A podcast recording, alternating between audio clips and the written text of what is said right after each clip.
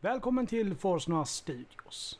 Vi ska strax dra igång avsnittet, men först. Det här avsnittet vill jag tillägna till min katt Max, som nyligen gick bort. Och till min kusin Glenn, som dog i lungcancer för inte speciellt länge sedan. Med det sagt så är det dags för På djupet special om cancer.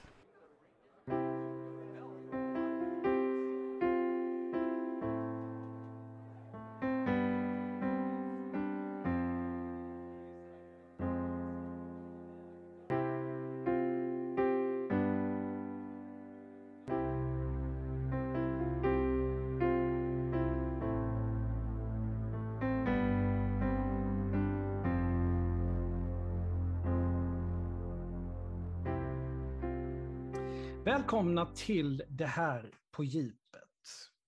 Idag ska vi bli riktigt allvarliga när vi ska prata om cancer. Och jag har med mig Caroline idag. Hej! Hej, hej! Allt bra idag? Ja, tack. Det är fredag.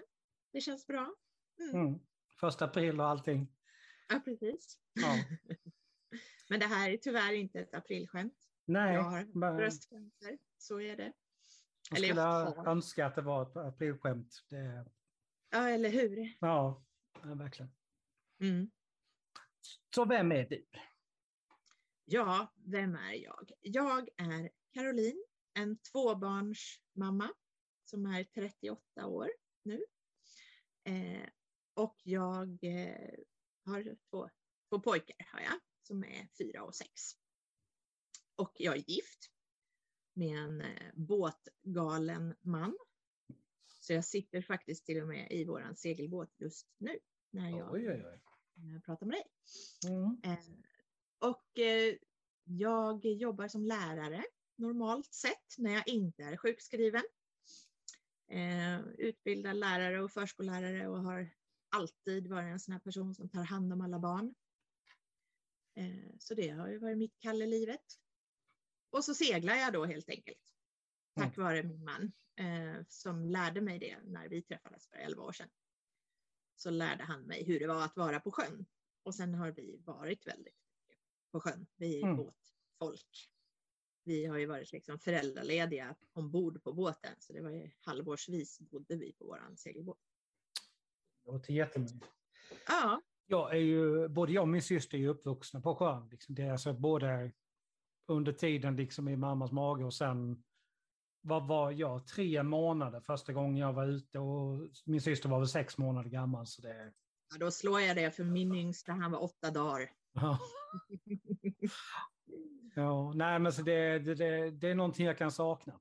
Så där, liksom. Mm. och, eh, Det är bara att hänga på. Vi har stor båt nu. Du vet när man har cancer, då tänker man att livet är kort. Så att helt plötsligt går man och köper ännu större båt. Ja, men det blir väl någonstans sådär liksom att när, alltså man, alla har ju någonstans en bucket list. Och det är ju Mm. flera som har sagt det. det, det mamma är ju också alltså, canceröverlevare. Och hon sa ju det att Mm. hon började beta av massa grejer på sin bucket list innan det var helt klart att hon var alltså, helt fri från det. Mm. Så att, eh, nej, jag, jag känner igen det där. Ja. Ja, jag skrev en bucket list tillsammans med min eh, brorsa. Eh, under tiden som jag gick på cellgifter så började han, han faktiskt fråga mig, men har du någonsin skrivit en bucket list? Nej, jag har ju inte det. Ja, men har du inte några grejer du vill ha med på den? Jo, det är nog några saker jag skulle Ja. vilja göra. Så jag skrev faktiskt den. Jag har inte betat av en enda punkt hittills, men förhoppningsvis har jag ju några år kvar. Så. Ja, Nej, men det händer ju någonting när man ställs mot sin egen dödlighet, så enkelt är det. mm. Eh, Men för, för att alla då ska helt enkelt vara med lite mer på vad vi pratar om här så har jag grävt fram lite uppgifter i vanlig ordning. Ja. Om man då börjar så att man går in på 1177 Vårdguiden och söker på cancer så får du 250 sökträffar. Och de 20 första är alltså bara förklaringar till olika typer av cancer, alltså vad det är. Mm. Sen följer saker som cancer, rehabilitering i Stockholms län och så vidare. Och så vidare. Jag har ju läkare i familjen som eh, förklarade för mig när hela det här började att cancer är ju inte en sjukdom. Och det är ju någonting som väldigt många människor tror. Och Mm. cancer är också ett fruktansvärt skrämmande ord. Ja. Som man tänker, tyvärr tänker man död när man hör ordet cancer. Eh, så det var ju också någonting jag fick lära mig. Att bara för att jag har ju haft också bröstcancer och inte ens den är likadan för alla. Nej. Utan det är massor av olika sorters typer av Ja. tumörer, cancerformer och cancerceller och allt vad det är. Cancer är ju alltså ett samlingsnamn för cirka 200 olika sjukdomar. Och anledningen till att det är just 200 är för att det finns 200 olika typer av celler i kroppen. Mm. De vanligaste cancerformerna i Sverige är prostatacancer, bröstcancer, tjocktarmscancer, ändtarmscancer, hudcancer och lungcancer. Mm. Den stora frågan här är ju liksom, vad är det som händer i kroppen när man får cancer? Och det som sker är att balansen, den här perfekta balansen som man pratar om i en cell, den rubbas. Och cellen börjar uppföra sig fel, den börjar dela sig ohämmat och det bildar ju då till slut en klump, en tumör. Mm. Alla celler har ju alltså en begränsad livslängd. Och I de flesta fall så innebär det att celler som dör ersätts av nya celler som bildas genom att cellerna delar sig. De van, den vanliga celldelningen hos en människa är alltså väldigt olika, vilket beror på att vissa celler delar sig inte alls och de är oersättliga. Men det tar exempelvis då två till fyra veckor för det översta lagret av cellerna i huden för att bytas ut. Leverceller tar då något längre tid. Mm. Och när man då Ja, när man, och när man då pratar om de här tumörerna så är det så att det finns ju godartade, benigna och elakartade maligni, maligna tumörer. Mm. Och en benign tumör kan ju bli lika stor som en malign, men de har inte samma förmåga att växa sig igenom andra vävnader och därför kan de då inte sprida sig till andra organ i kroppen. Där har vi en liten snabb genomgång av, Mm. eh, av vad cancer är. The short, short version. Ja, verkligen short, short, Mm. short version är det. Men Ja. vad var det som hände? Vad var det som gjorde att du liksom upptäckte att du Mm. hade bröstcancer? Precis. Det är ju eh, också en historia då för att jag är ju som sagt 38 nu och var 37 när jag upptäckte det här. Vilket betyder att jag går ju inte på några, eh, eller blir inte kallad än till eh, mammografiscreeningen. För att det blir man från 40 års ålder. Så det som hände var att, eh, nu måste jag tänka här, just det, höst, förra hösten. Eh, eller snarare förra, slutet av förra sommaren när man har varit ute och badat och grejer. Vi var faktiskt i båten. Eh, så kände jag en liten, liten, liten knöl ungefär vid armhålan vid vänster bröst eh, som kändes som en hård ärta. Den var inte större än så. Och jag reagerade ju på det och så sa jag faktiskt det till min man och så bara, kan inte du känna här, det, det är någonting konstigt här. Ja, men, nej, vadå, det, det kan ju inte jag känna, jag är ingen läkare, säger han. Så han, är du orolig? Nej, det är jag väl inte direkt liksom.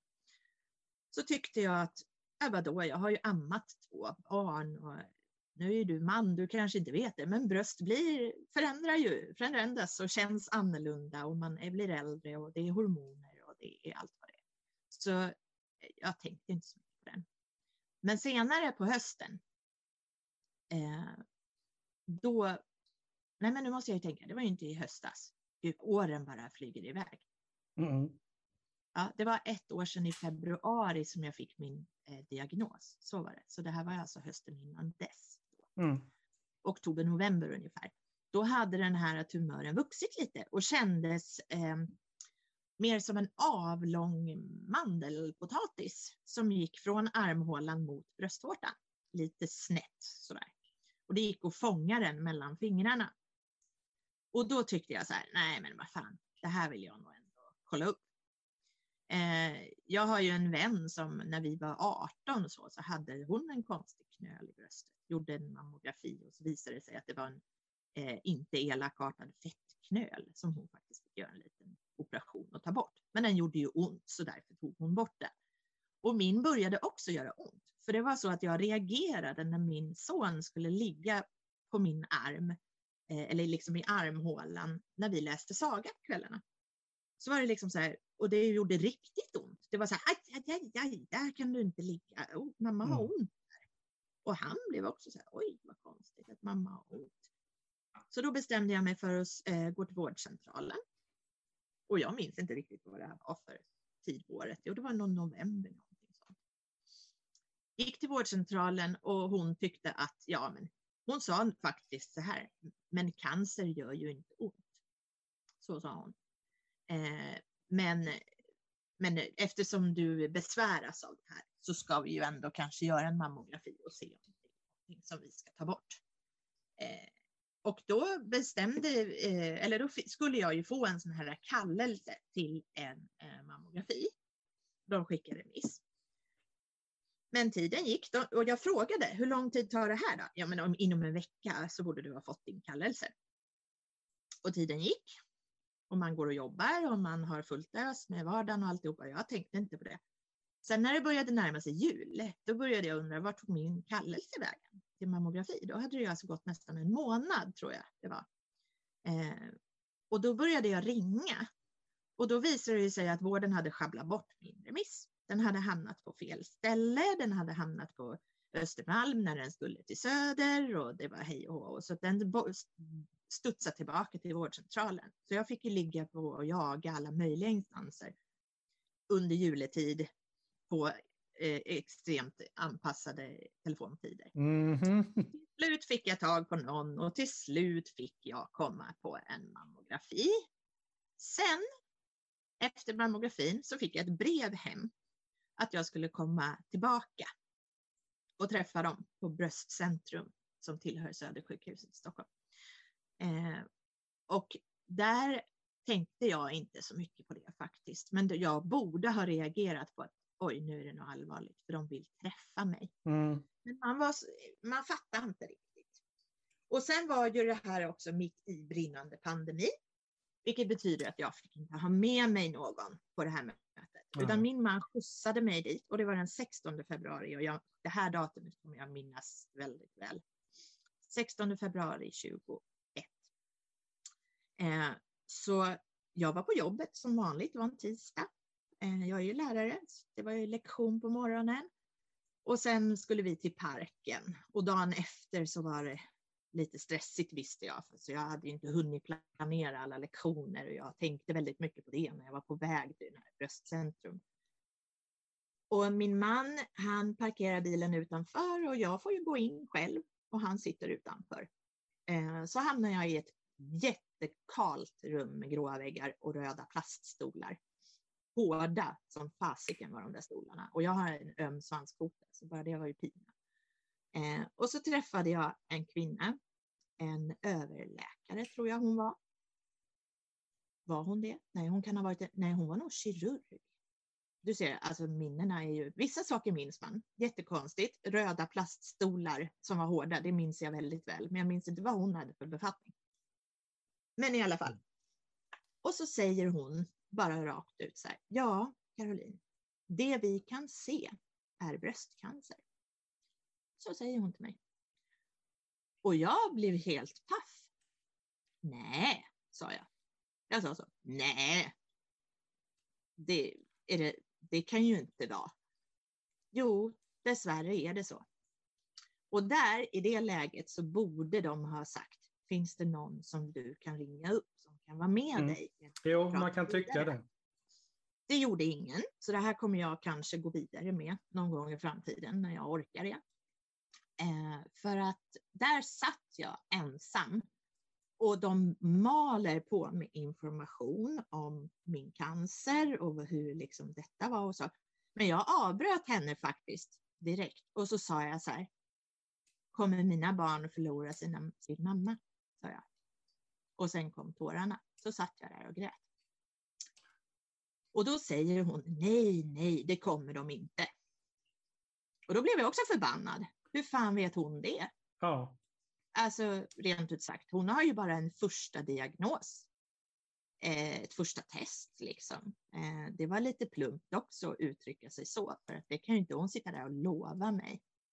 Nej. Sen fick jag ju veta att det var ju en tumör då, då den här knölen som jag hade känt. Eh, men tyvärr var det inte bara så, utan jag hade också celler i hela vänster bröst som kunde vara förstadiet till cancer. Som prickar kallar de det för. Eh, mikrokalk, någonting sånt där tror jag det hette. Eh, och sen så hade jag också den här tumören hade ju fäst upp i armhålan. Så de skulle även ta bort mina lymfkörtlar upp i armhålan. Metastaser. Oj. Ja, jag vet inte riktigt vad jag ska säga. Det, det låter så... Ja. Ja, det, det de sa var att jag kommer behöva ta bort hela vänster bröst. Och då föreställde jag mig direkt där liksom hur stor operation och kommer jag bli platt på den sidan? Eh, jo, de sa att jag kommer behöva operera bort hela vänster bröst, vilket då gjorde att man blev väldigt orolig eh, över om jag kommer vara helt platt på den sidan. Vad händer där och då? Hur kommer man se ut? Man tycker ju inte att jag är särskilt gammal. Jag känner inte riktigt att jag är färdig med att ha kunnat gå i bikini eller klänningar eller vad jag nu vill känna mig vacker och kvinnlig och sexig.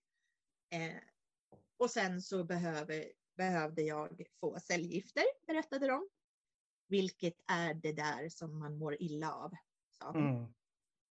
Och sen så behövde jag också strålning. Så det var tre stora grejer eh, för att bli förhoppningsvis kvitt den här cancern. Eh, man var ju ganska chockad. jag, jag ringde ju till min chef sen den eftermiddagen eh, och bara sa jag kommer inte till jobbet imorgon. Eh, Nej, okej, okay, hon visste ju att jag skulle tillbaka på ett återbesök på en mammografi, så hon hade väl kanske någonting på känn vad jag skulle säga. Ja. Men, eh, och sen så sa jag, ja, jag har bröstcancer. Ja, det var så sjukt. Och det var ännu sjukare att gå därifrån i korridorerna, ner för trappan, ut på gatan, sätta sig i bilen bredvid min man. Och han frågar, hur gick det? Mm. Och jag Fast- måste säga, jag har cancer. Och tårarna rann. Och han bara, nej, nej, säger han också. Liksom, nej. Va? Liksom. Ja, så skulle jag försöka ge honom all den där informationen som de just hade gett mig. Men jag mindes ju knappt vad fara och de hade sagt. För att man var ju i töcken, man var ju helt chockad. Ja, nej, alltså chock har en tendens till att ställa Mm. till minnet och... Mm. Ja, nej, det är... Usch. Ja, nej, så att eh, det var ingen rolig dag om man säger så. Nej, verkligen Sen inte. började ju allting rulla på där liksom. Sen gick det utav bara helvete. För att sen skulle det göras fler. De hade tydligen inte sett tydligt på min biopsi som de gjorde på mammografin gjorde de också en biopsi. Stack en på helvetes jäkla nål rätt in i tumören. Eh, man blev lokalbedövad för annars Mm. Eh, och där hade de inte sett klart tydligt just vilken sorts cancer det här var. Så att jag var tvungen att göra det en gång till. Och det var bara inom några dagar. Det var typ två, tre dagar däremellan. Och när jag kom tillbaka då igen till det här himla bröstcentrum. Eh, får komma in på en, sätta på en brits och väntar på läkaren som ska göra en till biopsi. Eh, då börjar jag ju gråta där inne för att det här är ju jättejobbigt. Liksom. Jag sitter ju där och tänker jag har cancer, vad händer nu? Liksom, kommer jag dö? Allt det här han bara ja, skölja över mig. Då kommer läkaren in och säger varför är du så ledsen för? Och så sa jag, skrek jag snarare på henne. För att jag har cancer, skrek jag. Ja, men nu så det här, det behöver du inte alls vara orolig över. Nu är det här bara ett prov. Nej, jag fick veta i, häromdagen att jag har cancer. Har du läst min journal? Ja, men vänta lite, säger hon. Och sen går hon och tittar på datorn. Så hon klev alltså in till en patient i tron om att det här är någon som bara är där på en vanlig screening. Men det visade sig att där sitter någon som har fått ett cancerbesked och är väldigt rädd och orolig och vet ingenting över vad som ska hända nu. Eh, och hon säger, vad är du så ledsen för? När jag sitter och gråter. Det var inte roligt det heller. Alltså det där, det borde inte, det, det är inte okej okay och det borde inte få hända överhuvudtaget. Alltså det, det känns snart i många fall av det man har hört liksom som att det är någon som borde skicka de här läkarna på någon typ av charmkurs eller någonting. För det, man har fan ingen koll på ibland hur man lägger fram saker och ting bra till patienter. Alltså. Det... Nej. Sen tror jag det finns de som gör det jättebra. Men jag hade väldigt otur den dagen att det var någon som hade klantat sig rent ut sagt och inte läst journalen och inte visste vad det var för patient hon mötte. Eh, sen tycker jag i vilket fall som helst, om du möter en patient som är ledsen så säger man inte vad är du så ledsen för? Nej, Utan, det gör man inte. Hur är det fatt? Precis, precis. Så det var ju överhuvudtaget klantigt så. Ja, verkligen. Sen var det lite, efter det så var det röntgen. Eh, jag krävde och ville ha eh, röntgen och undersökningar på hela min kropp. Jag blev så otroligt rädd att det, det är cancer överallt, tänkte jag. Det, det här är kört nu. Liksom. Jag blev så otroligt orolig. Eh, och jag ville ha ordentliga prover. De tyckte det var onödigt att röntga en människa helt i onödan. Så. Men jag sa, hur vet man det då? Nej, men vill du att vi gör det så gör vi det. Så jag fick både sån här mm, eh, magnetröntgen och eh, en annan röntgen. Så att en på skelettet och en på mina inre organ. För att kolla att det inte var mera. Och eh, det var det ju tack och lov inte. Eh, så när jag hade fått de beskeden kändes det ju i alla fall, oh, ah, okay. då behöver jag inte tro att det är liksom eh, man började ju läsa också på saker och det står ju liksom eh, du som eh, eh, har, är patient med spridd bröstcancer snubblade jag över någon text. Och det var ju det som också fick en att börja oroa sig över. Hur vet man att det bara sitter just där? Alltså det är ju ett fel som jag tror att många, jag själv också tyvärr gör. Att när man väl har fått en liten del av informationen så börjar man söka själv. Mm. Och då får man ju ofta upp de allra ja. värsta skräckexemplen som det sen i efterhand visar sig att nej, men det är väldigt ovanligt att det är så pass illa. Mm. Och det är det ja. man får liksom i sökresultaten. Jag menar, det, det hjälper ju inte ett dugg. Nej, det gör det inte. Eh, och jag vet inte, nu i efterhand kanske det var jätteonödigt att gå och röntga sig på det där sättet. Men jag tror jag behövde det där och då för att må psykiskt lite bättre. Mm. Känna att jag har gjort allt jag kan för att ta reda på om det bara är det här. För jag jag tror också att den här äh, dåliga bemötandet av de första två läkarna jag mötte fick mig att vara väldigt skeptisk till vet de här vad de håller på med. Så ja. kändes det lite. Det förstår jag absolut. Det... Ja. Sen kanske jag har tittat på ett och annat avsnitt för mycket av Grey's Anatomy och House och sådär. Men, men, men ändå. Nu, ja. nu gjorde jag det och nu vet jag att jag har gjort allt jag kunde för att ta reda på att det inte var på något annat ställe. Mm. Ja. Så man blev ju heltidssjukskriven från dag ett. Eh, eller dag två snarare, dagen efter eh, så kom jag tillbaka till jobbet. Och sen började också den här fruktansvärda processen att berätta för alla. Eh, det slutade ju med att jag kunde inte berätta längre. Jag, efter att man hade berättat för sina bästa vänner eh, ja, faktiskt samma dag direkt efter eh, jag hade berättat för Micke och vi satt där i bilen och var på väg hem från Bröstcentrum så sa jag till eh, honom, eh, kör mig till brorsan. Så här. För jag visste att han jobbar hemifrån. Så jag bara åkte dit, eh, ber honom att komma ut. Eh, och sen så står jag bara och storgråter och kramar om min, min storebror ute på hans altan. Och han, han blev ju helt chockad också. Bara, vad är det? Vad är det? Vad, liksom, varför är du så ledsen? Vad är det? Vad är det som har hänt?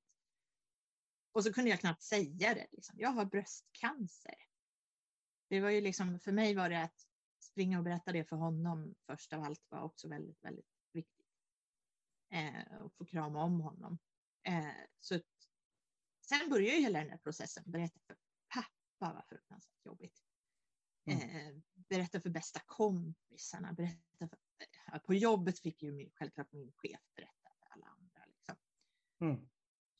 Men det var ju verkligen liksom en jättejobbig resa och process. Jag hörde ju hur, hur min man satt liksom in, innanför en stängd dörr när han skulle berätta för sina nära. Liksom. Och jag hör ju hur han sitter och gråter och knappt får fram orden heller. Liksom. Han var ju också i total jättechock. Eh, så det, sen började jag skriva en blogg då istället. För jag insåg att det här kommer jag aldrig orka.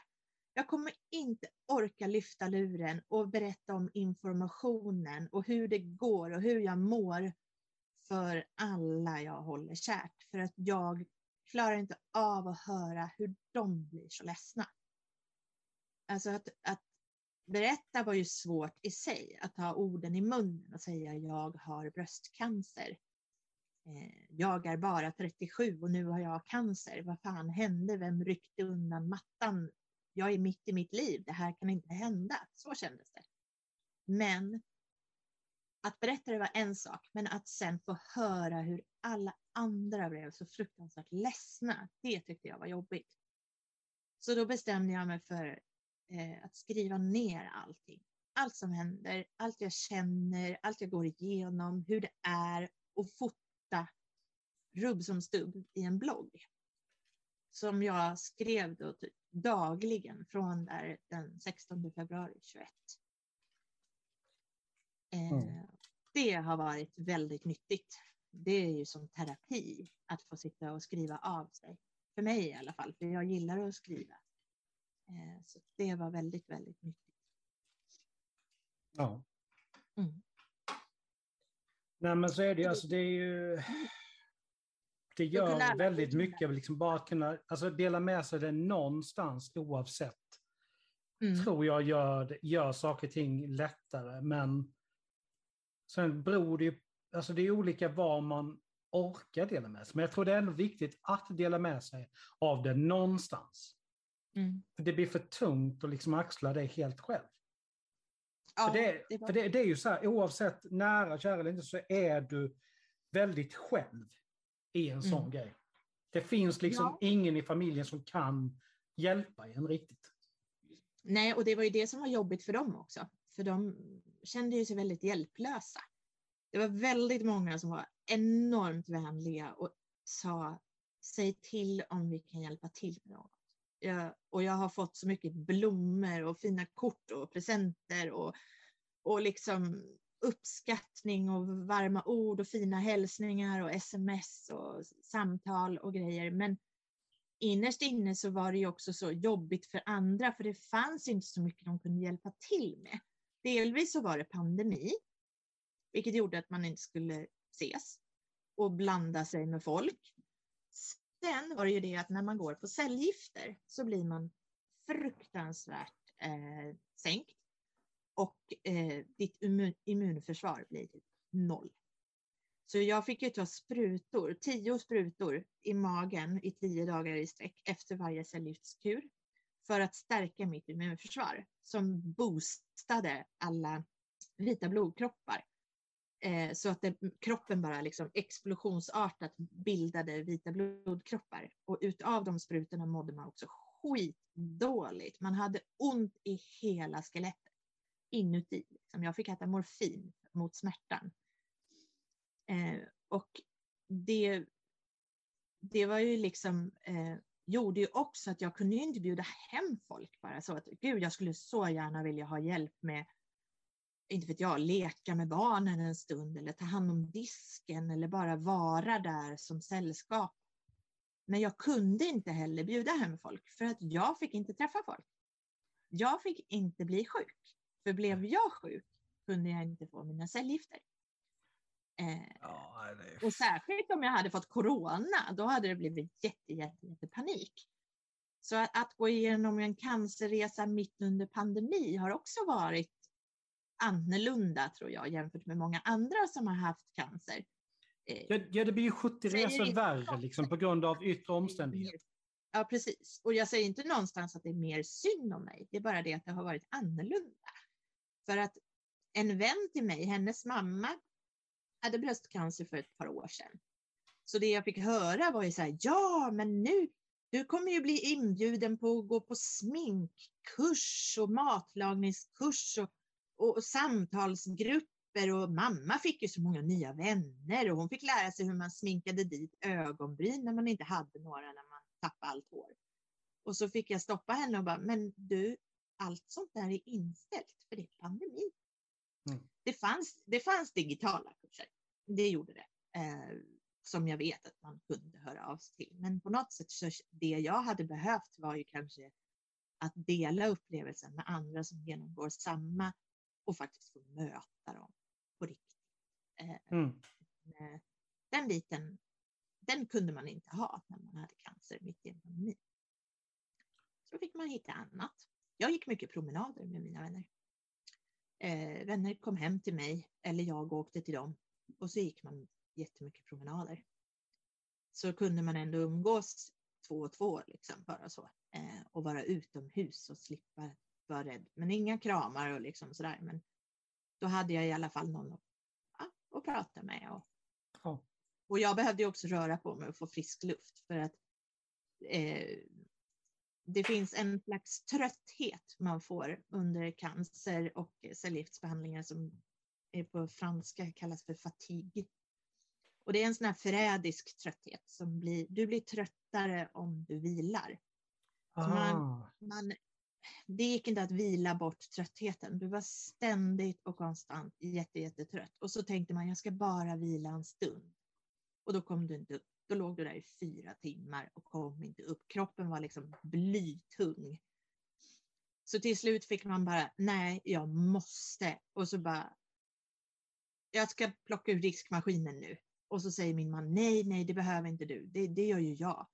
Jo, jag måste plocka Mm. ur diskmaskinen nu. För efter att jag faktiskt hade sparkat igång mig själv och plockat ur den där jävla diskmaskinen så mådde jag lite bättre. För man behöver röra på sig ändå. Hur jobbigt det än var så behöver man röra på sig. Alla Ja. säger ju att fysisk träning underlättar en cancerbehandling enormt.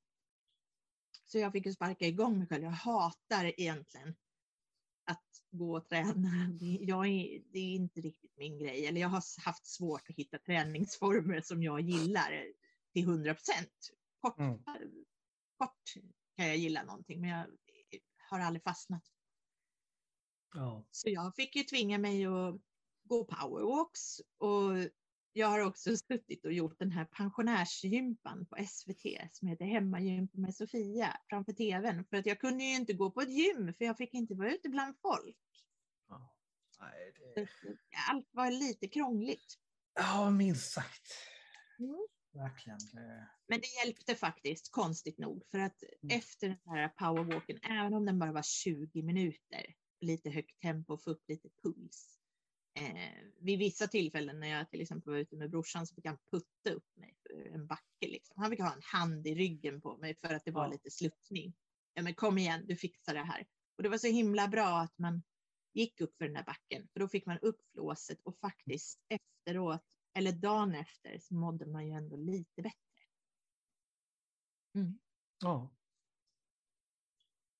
Och jag, ja, det var ju liksom en lång resa. Jag är ju faktiskt egentligen fortfarande inte frisk.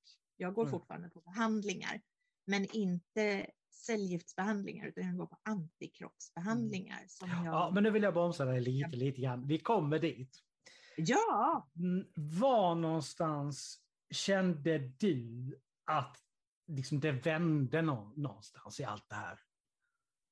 Vad var det som gjorde att det liksom... att det kändes som att jag kommer klara av det här. Ja, precis. Eh, det var nog efter operationen.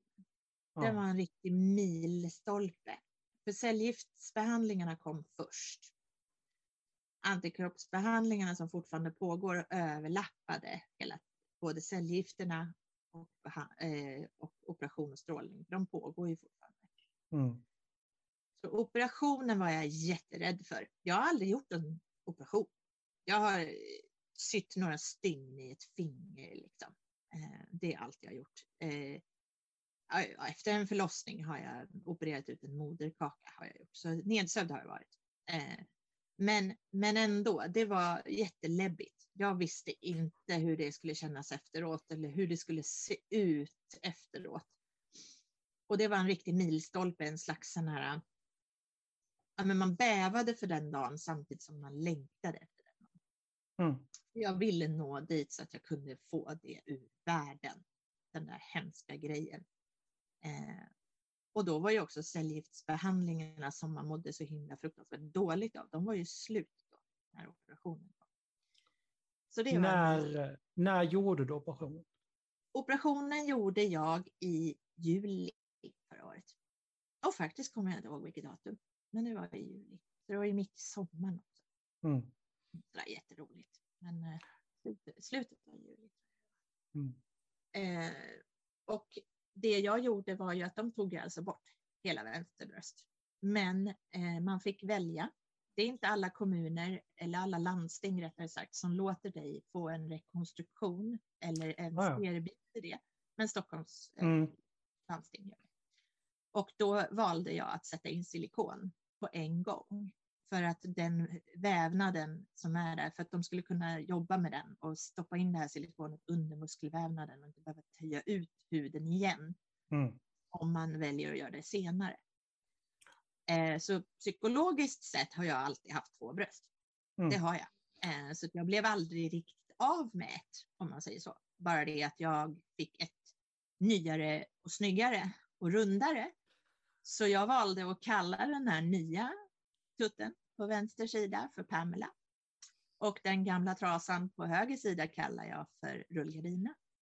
Och det skrev jag också i min blogg. ja. Nej, men Eh, jag och vet när jag berättade vad för du... kirurgen skrattade hon kan jag ju säga. Ja, jag förstår det. Men jag vet ju vad du menar, för att eh, min eh, mamma tog ju samma beslut. Det är Mm. liksom bättre att få det här gjort med en gång än att vänta. Mm. Och eh, jag vet ju, hon var så glad sen när hon var till, tillbaka sen och de tatuerade in vårtgården. Ah, Då var mm. hon så nöjd efteråt, för då var liksom... Mm. Ja, då, Ja, men då var det, ja, men då var det klart någonstans. Va? Mm. Då var det återställt så gott det gick. Ja. De är ju skitduktiga rent ut sagt. Alltså du Mm. träffar ju liksom landets bästa plastik, plastikkirurger. Eh, det är ju liksom eh, som fått gratis boobjob fast med lite tråkig eh, Ja. men för, för mig, det är inte viktigt för alla, men för mig var det viktigt att ha två bröst. Så att jag valde ju det. Och den resan är inte riktigt klar. För efter operationen kom strålbehandlingar. Jag har gjort 20 strålbehandlingar då man ligger eh, blickstilla i en maskin som låter och lyser och blinkar och har sig. Och det luktar lite bränt som om du är i ett solarium nästan. Eh, och där eh, hade de redan informerat mig om att om jag gör det och om jag gör, sätter in silikonet innan så kommer eh, strålningen att förstöra den här protesen som de kallar det eh, medicinskt. Den blir hård, rent ut sagt. Den, den klarar inte av strålningen och hudvävnaden blir lite knölig. Så bröstet är inte lika snyggt som det var när det var nyopererat. Utan nu är det som att ha en hård biljardkula inopererad i bröstet som gör lite ont. Om man säger så, känns lite obekväm. Så jag kommer att få en ny operation för att rätta till Mm. det här. Och det gör ju också Stockholms läns landsting. Eh, det- De vill ju att jag ska må bra psykiskt så att de erbjuder ju att man får göra rekonstruktion igen då, alltså att du ska bli nöjd. Ja. kan ju säga så här då bara för att det, det, alltså man kan ju, det är ju svårt för en man att sätta sig in i det här. Men Mm. det var ju, det var ju alltså det, jag och min mamma vi har väldigt öppna konversationer när det gäller sånt där. Och hon sa liksom, ja, men tänk dig själv om du skulle liksom bli, bli tvingad att bara ha en pungkula någonstans. Det skulle Mm. kännas så fel, så väldigt konstigt någonstans. Som du så bara är att du har någonting annat där så att det känns som du har gjort innan. Det gör ju jättemycket för psyket att, du, liksom, att, du, att man mår bättre. Ja. Det, det är väl den liknelsen man kan dra. Liksom. Det, Ja, och jag tror att man, jag, vet att många bröstcancerpatienter som är äldre väljer ju inte riktigt alltid den här vägen. För de tycker kanske, äh, jag är klar med de där brösten. Det är inte viktigt eh, för mig längre. Så. Eh, men jag tror att det är vanligare och vanligare hos oss som är yngre. Nu när det finns så otroligt bra plastikkirurgi. Ja. Jag tror också det att det är lite mer normalt för oss med hela den biten än vad det är för generationen innan oss. För att det är, vi har liksom vuxit upp med att hela, alla de här processerna liksom har tagits fram och att de har blivit säkra. Så jag tror det är Mm. lättare för oss att acceptera det också liksom, än vad det är för generationen innan. Så är det nog. Jag tror att det ligger en del i det också. Ja. Sen är det ju det här med skönhetsidealen. Det är Mm. ju tyvärr, man känner ju liksom att någon skulle kanske titta, undra, varför ser hon ut så? Ställa frågor och grejer. Och, eh, och man har ju de här ändå lite krav på sig själv hur man vill se ut. Mm. Det var ju väldigt jobbigt när man tappade håret. Jag hade ju långt hår innan det här. Eh, väldigt långt hår. Långt ner på ryggen. Eh, och eh, jag fick ju höra det att det kommer dröja två cellgiftsbehandlingar ungefär. Sen kommer du börja känna att det pirrar och sticks i hårbotten. Och då börjar håret lossna och det, ibland går det fort och ibland går det långsamt. Så jag valde att snagga av allt det långa, långa håret innan det började falla av. För, att, för mina barns skull också. För jag ville inte att de som är ganska små, nu är de sex och fyra, då var de bara tre och fem, eh, att de skulle liksom bli rädda eller oroliga över mig. Eh, så att då blev det processen att mamma tappar håret blev inte lika chockartad. De, de, de fick faktiskt vara med och hålla i Mm. klippapparaten och hjälpa mig att klippa håret. Och så klippte vi deras hår samma dag. Eh, så det blev en sån grej istället, en familjegrej. Ja, men det är ju Sen- ett jättebra sätt att göra Ja, något ja. fint av det istället för att det ska bli Mm. en tråkig grej. Def- definitivt. Mm. Men sen ramlar ju allt håret av. Allt hår på hela kroppen. Alltså det, det fattade jag inte heller före det här. Jag, jag tror att jag i min inbildning hade trott att det var håret på huvudet bara. Mm. Jag fattar inte riktigt varför jag inte har registrerat att det är klart att allt hår lossnar. Det, jag ska tala om för att de flesta gör faktiskt inte det. Utan, för det är också så här, för när vi pratar om hår så är Mm. det i regel håret på huvudet vi pratar om. Tänker jo, liksom inte på det här under armarna och liksom, det, det tänker vi inte på på samma sätt. Vi pratar inte om det på samma sätt. Så Nej. därför så blir det nog lätt så liksom att man, eh, att det, det är hår på huvudet man associerar till. Och håret på huvudet tyckte jag var så här, ja, det var jobbigt. Det är klart att jag aldrig i mitt liv har tänkt att jag ska vara flintskallig. Eh, jag är en sån här person som tycker det är roligt att färga håret och klippa tuffa friller och grejer. Och jag har allt, när folk har frågat mig så här, "Ja, hur många hårfärger har du haft egentligen? Så brukar jag svara förr. Jag har haft allt förutom eh, grönt och flintskallig. Typ så har jag sett ut. Nu kan jag säga det att nu har jag även varit grön och flintskallig.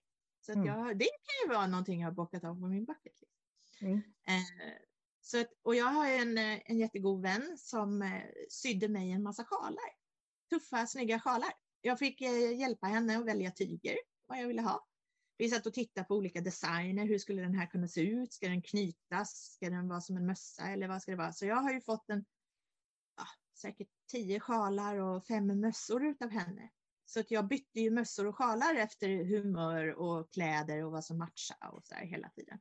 Så jag försökte göra det till en rolig och snygg grej för att jag skulle må bättre med mig själv när jag gick Mm. där utan allt det där håret. Det jobbigaste var dock ögonfransarna. Jättekonstigt. Alltså jag mådde väldigt dåligt av att se mig själv i spegeln utan ögonfransar. Det var jättejobbigt. Så att, fanns det inte ett smink i världen som kunde täcka över det. Liksom. Löpögonfransar är inte samma sak. Jag eh, kunde ändå inte ha någon ork att stå och pilla med det. Så det, det var ju bara att gilla läget. Men jag vet faktiskt vad du menar där. För jag har alltså en, en kulturnatt i Karlshamn, där kommer jag ifrån. Så Mm. står vi och dricker kaffe utanför stadsbiblioteket. Det står marschaller utanför. Det är ju september månad, det är mörkt ute. Så här. Och jag av någon an, av dum anledning får för mig liksom, men jag häller ut den sista kapslatten rätt ner i marschall. Och står ju och tittar ner i marschall när jag gör det. Det slår en eldslåga rakt upp som tar i princip hela från, alltså det, det som hängde ner i pannan av håret. Det tog ögonbrynen och det tog ögonfransen. Ja, När jag kom hem och tittade själv spelade jag bara, jag sa, "Vad- vem fan är det där? Jag känner ju inte igen mig själv någonstans så jag vet precis vad du menar. Mm. Det, alltså, det går inte att beskriva hur pass konstigt det ser ut. nej. Det, Sen, sen hade ju jag också i den här tappa håret-resan också. För att det var ju det som också var, du frågade mig vad det var som fick mig att känna att jag på något sätt fick styrka, att jag trodde att det här kommer jag klara av. Om man också ska fråga vad det har varit som har varit liksom jobbigast så har det ju varit tappa håret, må illa såklart, konstant må illa dygnet runt i flera veckor liksom. Eh, och tappa orken. Eh, men sen var det ju också så att en av mina cellgiftssorter, eh, jag har gått igenom tre olika typer av cellgifter eh, som alla bet på lite olika grejer.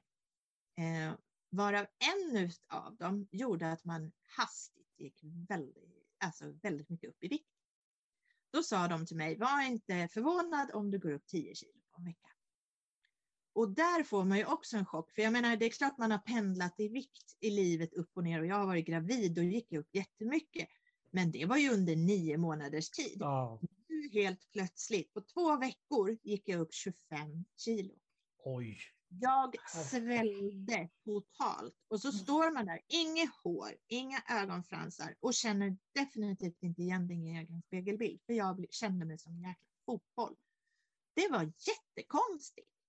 Ja, åh fy fan. Och jag jobbar ju fortfarande, jag har ju fortfarande inte gått ner de där kilorna igen, men det har ju gått väldigt långt. Liksom. Men, eh, men eh, kläderna passade ju helt plötsligt inte. Det var ju som att någon bara, "Vad- fan har krympt mina brallor?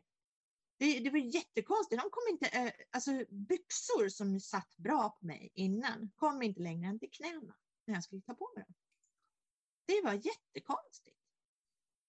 Så att det, det, det visste jag inte heller om cancer. Och det, det är inte säkert att alla gör det, men jag trodde ju att när man är sjuk, då blir man utmärglad, då blir man tunn och då blir man ett be, blekt benrangel som bara ligger i sängen hela tiden.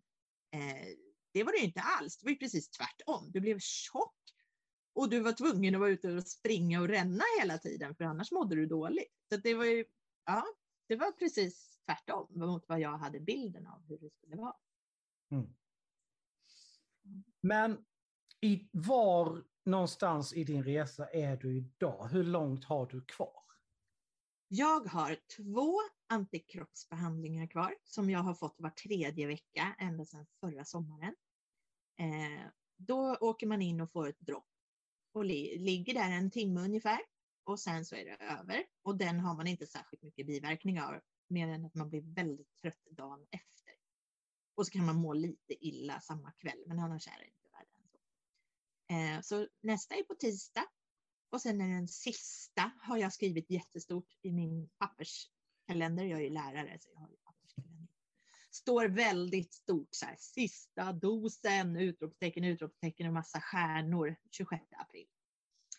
Eh, sen ska jag då göra en till operation. Ja. Troligen någon gång efter augusti, för den skulle vara ungefär ett år efter avslutade eh, behandlingar, eller ett år efter förra operationen. Mm. Eh, men där står man på väntelista också, för den är ju inte prioriterad så. Det är ju en Nej. option. Ja, precis. Nej, det, de måste ju kunna ta akutgrejer och sånt där. Allting sånt, sånt går ju bli prioriterat före i det läget. Så det, Och sen så ska jag göra en mammografi någon gång här nu framöver för att kolla allting. Hur ser det ut nu? Och då frågade jag, men vänta nu, eh, kan man göra en mammografi när jag har en biljardboll i bröstet?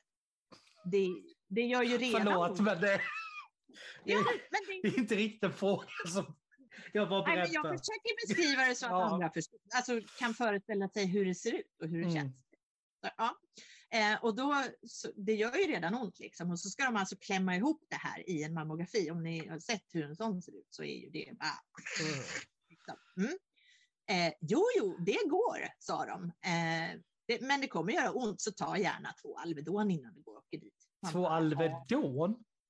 Är det okej om man tar något starkare, Ja, jag. precis. Min spontana Ja. reaktion också. Vill nog fan Så ha det, något lite det ser jag starkare. inte direkt fram emot om man säger så. Nej, Men det måste förstår jag ju jag. göra. Sen kommer de ju ha mig under lupp eh, och jag kommer ju få gå och göra mammografier ofta. Jag vet Mm. inte hur ofta, det har de inte sagt än.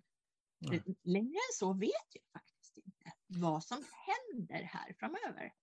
Det är där jag står idag.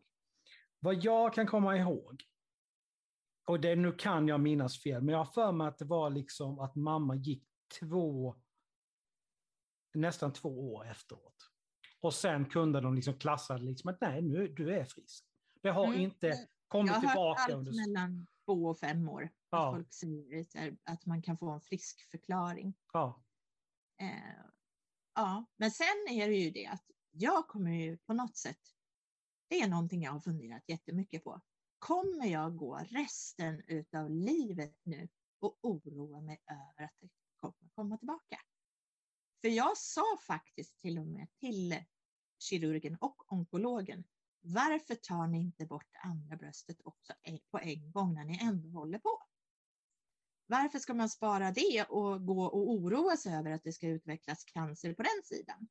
Så jag har ju gjort en sån här genstudie också och lämnat blod som Mm. skickades en superduper människa i Lund. Och sen så har jag också släktforskat bakåt, så här, jättelångt bak, liksom till och med farmor och farfars syskon och så där. Vad dog de av? Var det någon av dem som hade cancer? När hade de cancer och vilken typ av cancer? Men det roliga är ju att det är ju ingen i min släkt som har haft cancer. Mormor hade livmoderscancer från typ 88 års ålder eller någonting. Men det var inte det Mm. hon dog av. Eh, så vi har ju ingen cancer i släkten. Så Mm. jag bär inte på de här generna. Vissa, du kanske har hört det sådana här br- BRCA. ja, ja, ja, Ja. jag vet. Eh, jag, och det har inte jag. Jag bär inte på några gener för att Nej. utveckla cancer. Så jag fick höra att jag behövde inte varna några eh, eller förvarna några kvinnliga släktingar att gå och göra extra prover. Eh, så, Jag har för mig att det är sådär, liksom att det är ytterst ovanligt att man får i båda brösten. Det tillhör verkligen det, o, alltså, o, Mm. det är ovanligt som bara den. Så för att man har haft det i det ena så är det inte större chans att du får det i andra, utan snarare tvärtom av någon anledning. Att det är Mm, mindre chans. I så fall är det ju om du bär på den här genen. Ja, precis. Då gör man åtgärder ifall man har då konstaterat i såna här studier att du bär på den genen. Ja. Då går man vidare och det, det känns som att det har blivit en sån här Hollywood-grej också. Jag råkade snubbla in på någon sån här tv-serie som jag låg och sträckkollade på Netflix när jag var sjuk. Um, där var det handlade om tre unga tjejer som jobbade på en tidning i USA. Varav den ena får reda på att hon bär på den här genen och hennes mamma dog i bröstcancer. Så hon tar beslutet att operera bort båda och sätta i silikon istället. Och sen så handlar det om hur himla ledsen hon är över det här. Att hon inte känner igen sina nya bröst och det är så fruktansvärt och hemskt och det är ledsamt. Och hon var ju bara 25. Men det här har ju hon gått och gjort själv. Hon hade ingen cancer. Eh, och jag vet inte om det här är sanning, att man i USA kan göra så, att ta reda på om du bär på den här genen och då bara gå och boka en tuttoperation och ta bort dem. Jag, jag vet inte om det är sant eller om det bara var Hollywood. Alltså det låter ju lite otroligt till och med för att vara USA, ärligt talat. Ja. Men kanske i framtiden. Alltså att det Ja. blir, alltså att det här börjar, men nu finns ju faktiskt studien att du kan ta reda på det. Och jag menar det är Ja. ju nytt. Det är det som är så fantastiskt med alla de här eh, insamlingarna vi gör, Rosa bandet. Jag har nog liksom swishat förbi de här Rosa bandet ställen i affären hur många Mm. gånger som helst och aldrig riktigt fattat vad min lilla peng för det där rosa bandet kan göra för skillnad. Men den gör ju tydligen skillnad. Ja. Det har ju hänt jättemycket i forskningen. Ja, ja, visst har det gjort det. Jag köper ju ett varenda år. Mm. Och jag, det är ju också en sån här grej som jag, det, det, jag, jag skänker 50 kronor varje månad både till Cancerfonden och Barncancerfonden. Mm. Mm. Och jag menar, Och alltså, det är när när, som man ja, glömmer. precis. Och det, men alltså, det ger, när man får reda på hur mycket de pengarna gör, alltså det, det går inte att beskriva. Liksom. Det, ICA har ju väldigt mycket såna här rosa varor under hela Ja. oktober. ja, Så i, i oktober som var nu så gick jag och plockade på mig både nattlinne och brysselkål eller vad farao det var och, och flingor och massor av rosa varor. Ja. Och sen gick jag fram till en personal och så sa jag så här, tack så jättemycket för alla de här rosa varorna. Jag har köpt rosa mjölk nu hela månaden, sa jag, och jag tänker inte på att den kostar en krona mer. Och sen går en krona till forskningen. Det är ju fantastiskt. Mm. Tack så otroligt mycket. För jag, och sen började jag storböla såklart. Så står jag där och säger, för jag går igenom den här resan just nu. Och då började de gråta och så kände jag så här, nej vad gjorde jag nu? Varför var jag tvungen att öppna min stora mun för? Men å andra sidan så kanske de också mådde väldigt bra, personalen Ja. på ICA, av att höra att en kund uppskattar Mm. deras arbete. Så jag tänkte sen när jag gick därifrån, okej, de blev lite gråtmilda, men jag kanske gjorde deras dag samtidigt. Ja. För att jag, Men det tror jag verkligen att du gjorde. Det, Mm. det låter verkligen så. Men vi måste avrunda. ja, Så är det. varför eh, kan vi inte ha några timmar till? För jag tycker Ja, jag, det, man, det, nej, men det är det är verkligen så att man kan sitta och prata om hur länge som helst. det är ju det. Mm. Mm. Men jag vill ändå säga innan vi slutar eh, eh, gå igenom ett par saker. Eh, till att börja med så vill jag säga liksom att informationen som jag har hämtat har jag hämtat från Cancerfondens sida och på 1177 Vårdguide. Så det här kan ni hitta, alla som vill titta närmare på det här kan hitta det själva. Mm. Men vad är då symptomen på cancer? Det kan vara att det finns en knöl i bröstet eller på andra ställen på kroppen som du hade. Mm. Det är sår som inte läker, onormala blödningar, hosta eller heshet som inte ger med sig, svårigheter att svälja, ändrade avföringsvanor eller problem att kissa, nya eller förändrade födelsemärken. Mm. Och så, som ni hör, det här är alltså grejer, så, alltså symptom som man kan ha vid många andra sjukdomar. Mm. Så ifall ni skulle märka någon av de här symptomen, ni ska väl kanske inte stressa upp er allt för mycket. Men skulle ni hitta någon av symptomen så ska ni höra av er till cancerlinjen på 010-199 1010. Alltså 010 199 1010. Där finns alltid personal, alltså utbildad personal som kan hjälpa er att komma vidare med det här. Bra sagt. Tack så mycket Caroline. Det har varit Tack ett eh, informativt samtal. Ja. Det, Ja. Till er som har lyssnat så hoppas jag att ni har eh, fått ut någonting av det här. Det var väldigt trevligt att göra det, även om det är ett väldigt otrevligt ämne. På djupet är tillbaka om en månad. Tills dess får ni ta hand om er så hörs vi då.